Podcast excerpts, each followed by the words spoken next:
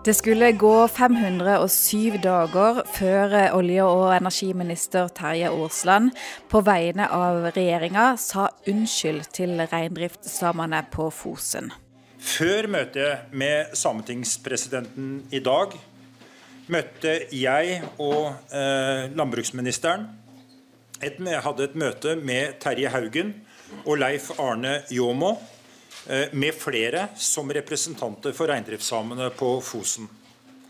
I disse samtalene så beklaget jeg på vegne av regjeringen overfor reinbeitedistriktene på Fosen for at konsesjonsvedtakene innebærer et brudd på menneskerettighetene.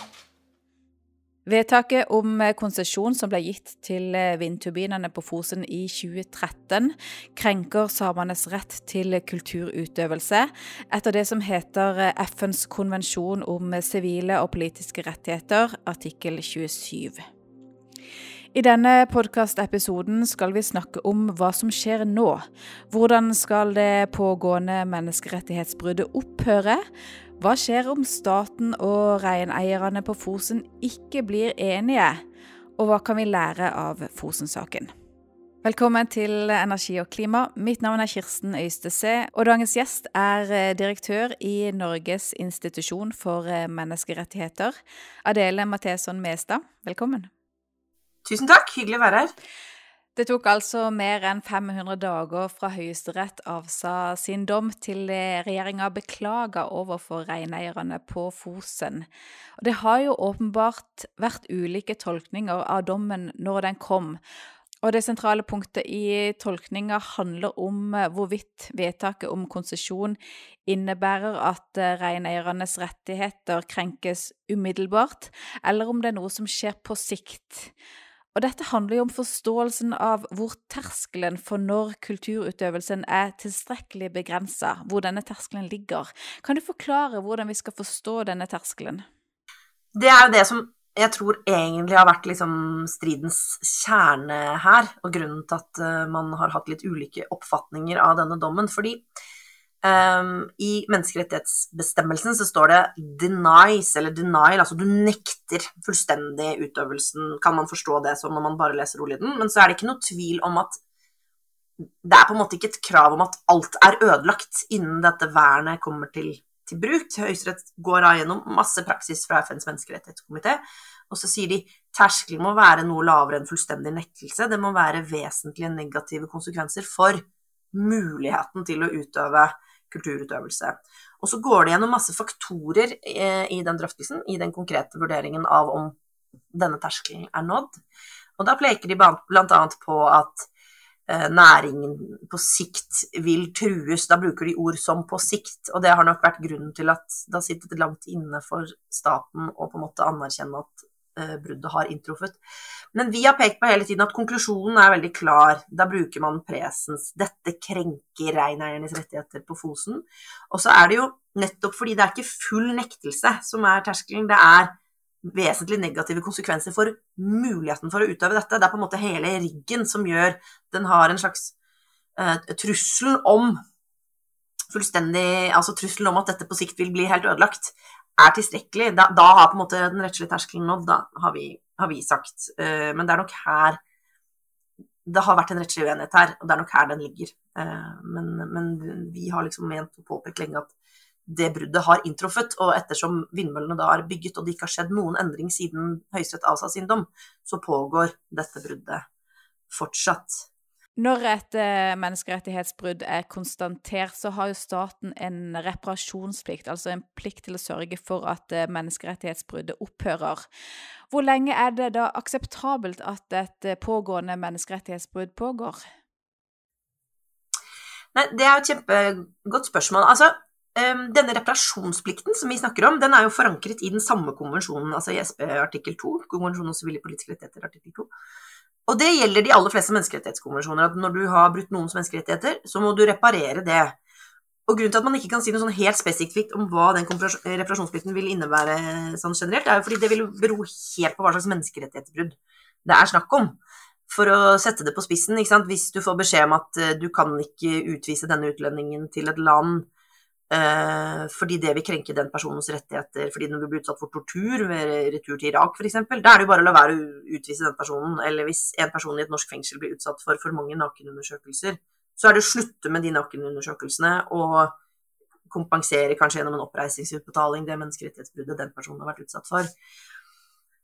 Mens her er jo på en måte det et stort eh, faktisk bilde, og det man jo må, er for det første fatte et nytt lovlig vedtak. Altså man må på en måte komme under terskelen på et eller annet vis, denne vesentlig negative konsekvenser-terskelen. Og så har jo FNs menneskerettighetskomité kommet med uttalelser om hva som ligger i denne reparasjonsplikten, og da peker de på ting som tilbakestille, restitusjon, rehabilitere områder, tilby erstatningsområder, yte kompensasjon eller treffe andre tiltak som å gi offentlige beklagelser, samt å gi garantier mot gjentagelse av bruddet, f.eks. gjennom endringer i lover og praksis. Altså reparasjonsverktøykassen vil jo nødvendigvis være, når de snakker generelt om det, ganske vid, fordi det vil jo bero helt på hva slags problem man, man står ovenfor. Og denne type uttalelser kommer de med en av de siste sakene som de har avsagt mot Australia, den som er Torres Strait Islander, som er en veldig interessant sak fordi den handlet om australske myndigheters manglende beskyttelse av urfolk i Australia sin rett til kulturutøvelse som følge av klimakrisen. Fordi eh, flom eh, og sånn overstrømmer, ødelegger urfolksområder, og det påvirker deres tilknytning til tradisjonelle områder. Og så har australske myndigheter gjort noe for å bøte på det, og så sier FNs menneskerettighetskomité at det er ikke nok, dere skulle bygget bedre diker, altså beskyttet på en måte disse landområdene eh, enda bedre, og det må dere reparere innen 160 dager. Så det er på en måte Det var i den saken, så sier de 160 dager. Og så er jo ikke det en fast norm nødvendigvis, men det liksom gir en viss uh, anvisning på hvordan menneskerettighetskomiteen tenker om den reparasjonsplikten. Og så her tenker jeg, det er jo både midlertidige ting man kan snakke om, og mer permanente innretninger, ikke sant. Det, det, et spørsmål er jo kunne man iverksatt noen midlertidige tiltak med en gang? Kunne man satt seg ned og sagt ok, hva er det aller største problemet her nå? Eh, for det har vært oppe nå ulike løsningsdiskusjoner. Kunne man sluttet å kjøre på de områdene? Er det noen av rotorene man kunne slått av? Kunne man på en måte monitorert litt mer hvordan dyr har beveget seg?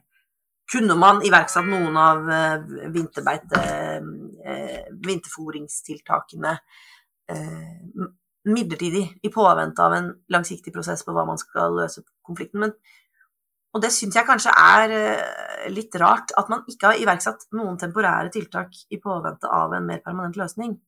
Og det er jo der litt av dilemmaet det der pågående menneskerettighetsbrudd versus ikke kommer inn. fordi at hvis du bare har et ugyldig vedtak eh, som må omgjøres, da, eh, som du ikke er i tvil om at du har her, en plikt til å omgjøre disse vedtakene, eller i hvert fall eh, ja, da, da kan du utrede i vei, og så kan du øh, men hvis menneskerettighetsbrudd er pågående, så suppleres på en måte dette blir litt teknisk da, forvaltningsretten av en menneskerettslig reparasjonsplikt. Og det har vært litt av vårt anliggende her å peke på det.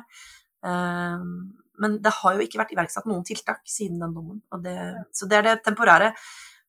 Men så er det det permanente spørsmålet hvordan løser man dette? Det tenker jeg krever en utrolig god prosess, hvor man også jevner ut Hva skal man si Jeg tror nok at eh, samene på Fosen har kjent på Altså møte med en stor vindutbygger og staten i utbyggerne hjørne, sitt hjørne, eh, og så skal du forholde deg til en ekstremt komplisert forvaltningsprosess som reiser en hel rekke spørsmål. Det er teknisk krevende, dette.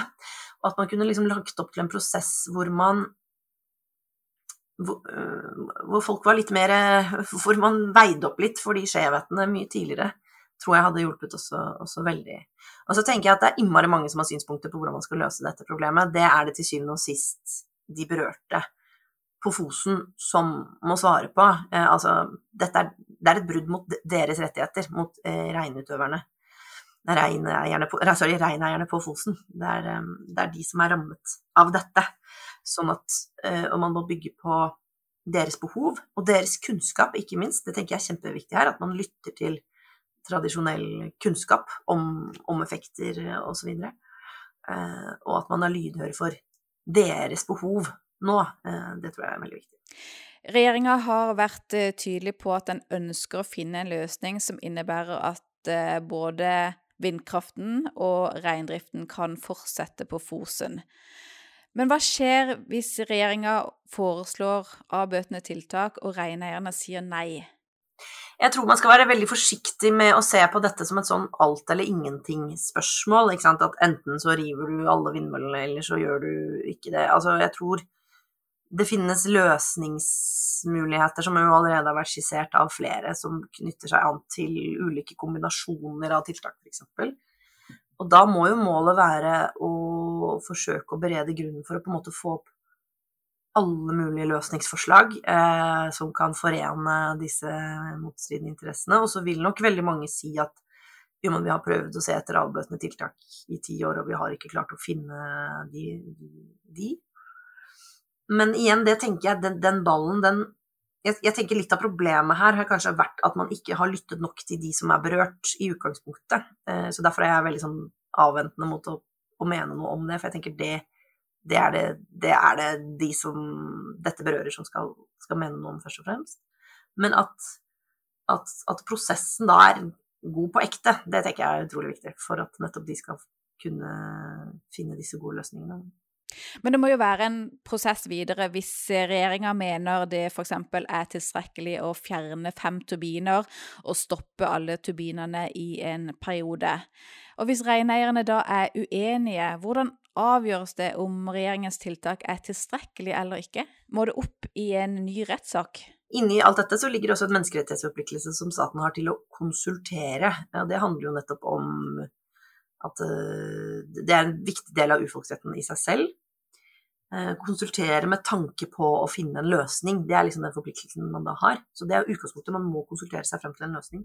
Men så kommer jo det vanskelige spørsmålet om er det en nektelsesrett eller uh, ikke, til syvende og sist. Uh, rettslig sett så har det vært mange diskusjoner om det. Jeg håper at man ikke kommer i en situasjon hvor det kommer på spissen. Fordi da er det som du sier, til syvende og sist da, så hvis man ikke kommer til enighet, så havner man jo i en ny sak så en mulig ny rettssak. Det er det som vil skje da. Mm. Så vi må jo bare håpe at man slipper det. Hvis reineierne på Fosen mener at eneste løsning er å rive alle turbinene, kan ikke de bare stå på det kravet? Eh, de har jo hele tiden hatt muligheten til å anlegge et annet type søksmål for domstolene nå, altså begjære en eller annen midlertidig forføyning, som det heter da, med et krav om et eller annet. Det kunne de jo hele tiden gjort, men det har de jo ikke gjort.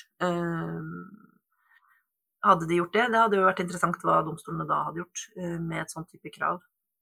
Så det virkemidlet har jo de på sin side hele tiden. Ok. Det er en ny rettssak på vei. Det gjelder eh, Øyfjellet vindpark i Nordland.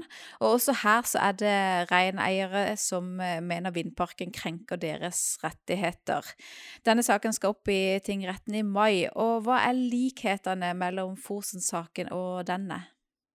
Det er jo en del likheter på den måten at det er de samme rettsspørsmålene langt på vei. Altså dette med om man er over denne terskelen av vesentlige negative konsekvenser for muligheten til å utøve.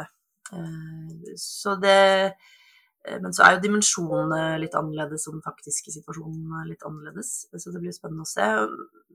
Fordelen nå er jo at man har jo i mye større grad gjennom Fosen-saken også på en måte etablert hva de rettslige utgangspunktene er. Altså, ikke sant? Høyesterettsdommer har jo det vi kaller for predikatsvirkning. De på en måte etablerer de rettslig relevante uh, normene og tersklene.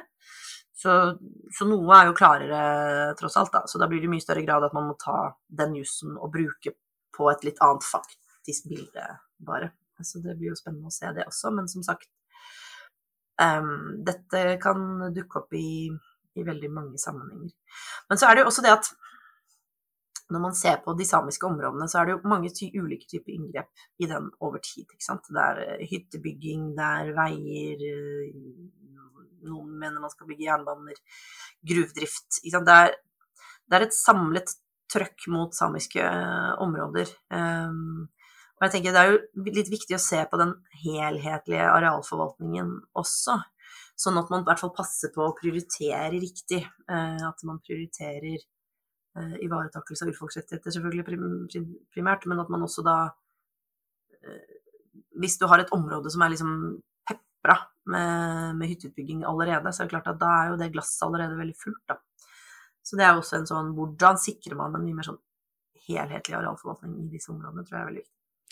Nylig så ble det lagt frem en NOU fra Energikommisjonen som sa at vi trenger mer vindkraft, vi trenger mer vannkraft, vi trenger mer sol. Vi trenger mer av alt raskere om vi skal få til et grønt skifte og kutte utslipp og bremse klimaendringene fort nok. Og verden over så ser vi at selskaper og stater saksøkes for å ikke gjøre nok for å bremse klimaendringene.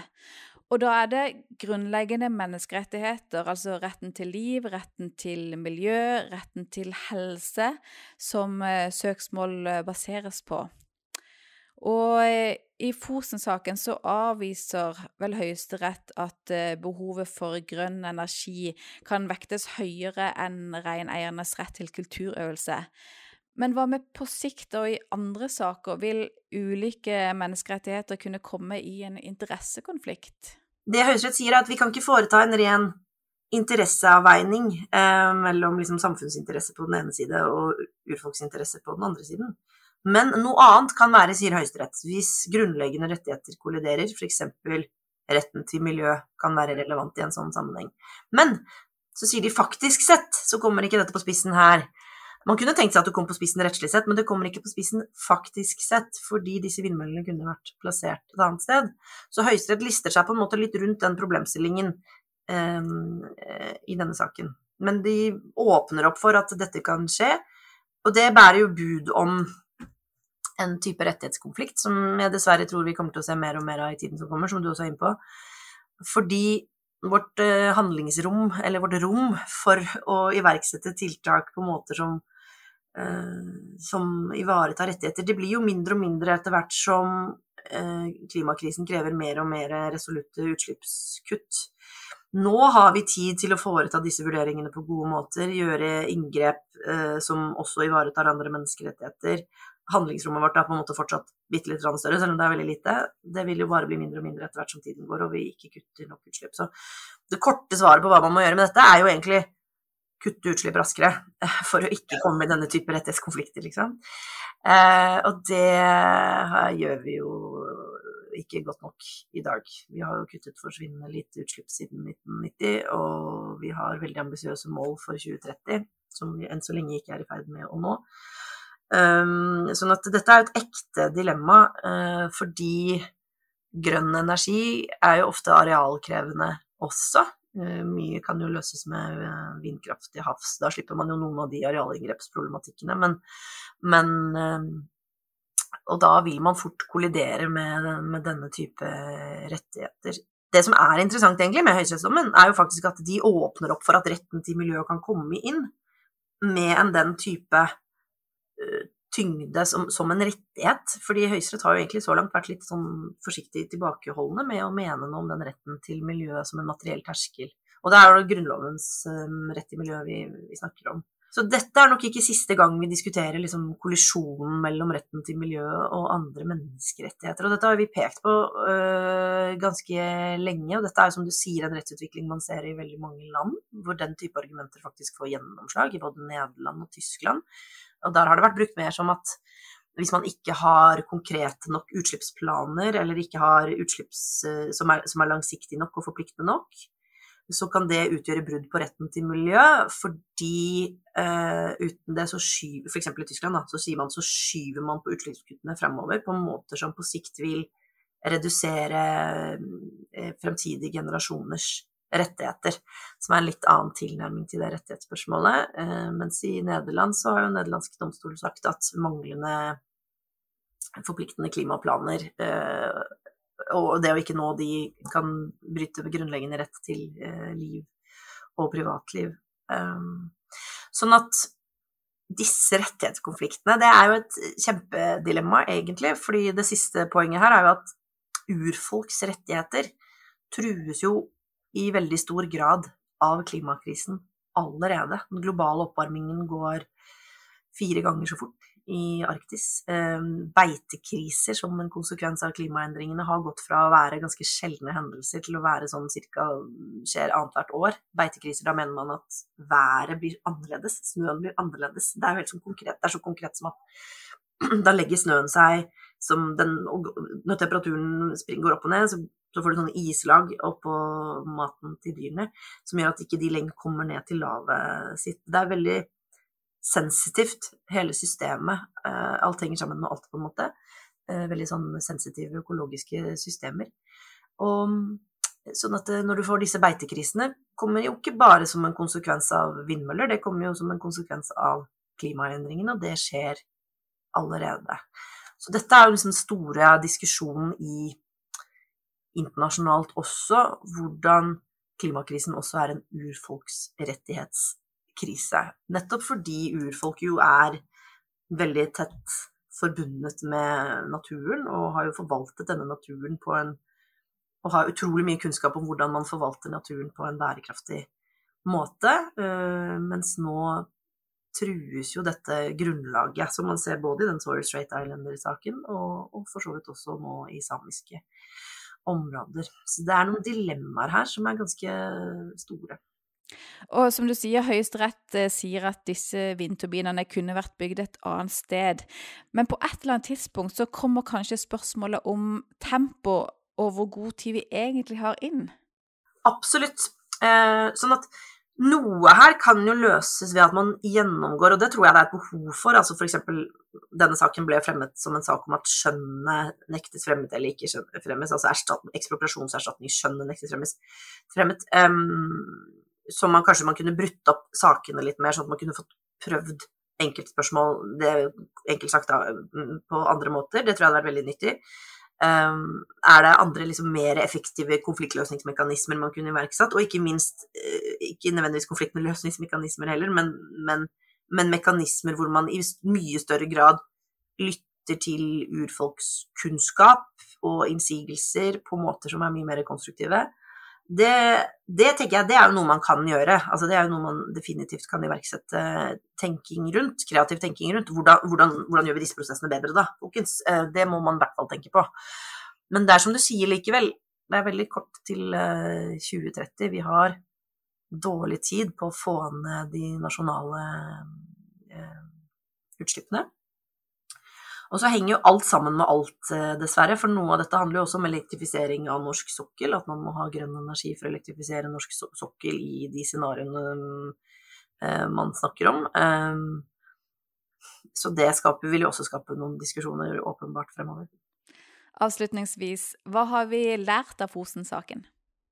Vi har jo nå i siste runde lært at det nytter å engasjere seg. Det tenker jeg er en viktig lærdom som man i hvert fall må, må gi. Så håper jeg man har lært betydningen av bedre prosesser, at det er veldig viktig. Så håper jeg at man har lært at dette urfolksvernet er et reelt vern, at det har gjennomslagskraft i møte med andre interesser. Men så håper jeg at man kan bruke likevel dette momentumet til å snakke om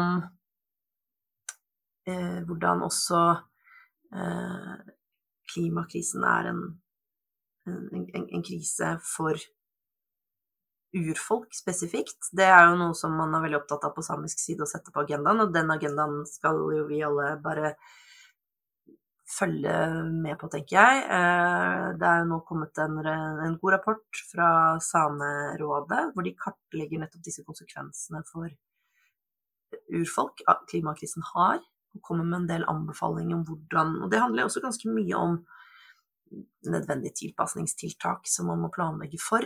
Eh, og så handler det ganske mye om prosesser, hvordan man kan bygge ut mye bedre, et bedre samvirke, eh, bygge bedre på urfolkskunnskap, bygge bedre eh, mekanismer på et vis.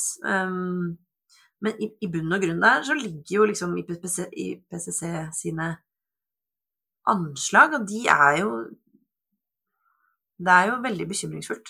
Altså, klimakrisen er ikke blitt noe mindre bekymringsfull mens, mens, mens tiden går, på en måte. Eh, sånn at det, det vi også må bare tenke mye på, er hvordan vi forener eh, det grønne skiftet med andre grunnleggende rettigheter. Ha bedre diskusjoner om det. Eh, hvordan vi sikrer at gjennomføringen av det grønne skiftet også ivaretar menneskerettigheter, som er krevende det håper jeg vi kan ha lært noe av. Mm, det må vi håpe. Tusen takk for praten, Adele Matheson Mestad. Takk for at jeg fikk komme. Takk også til du som lytter på Energi og klima. Vi er tilbake med en ny episode neste uke. Takk for i dag.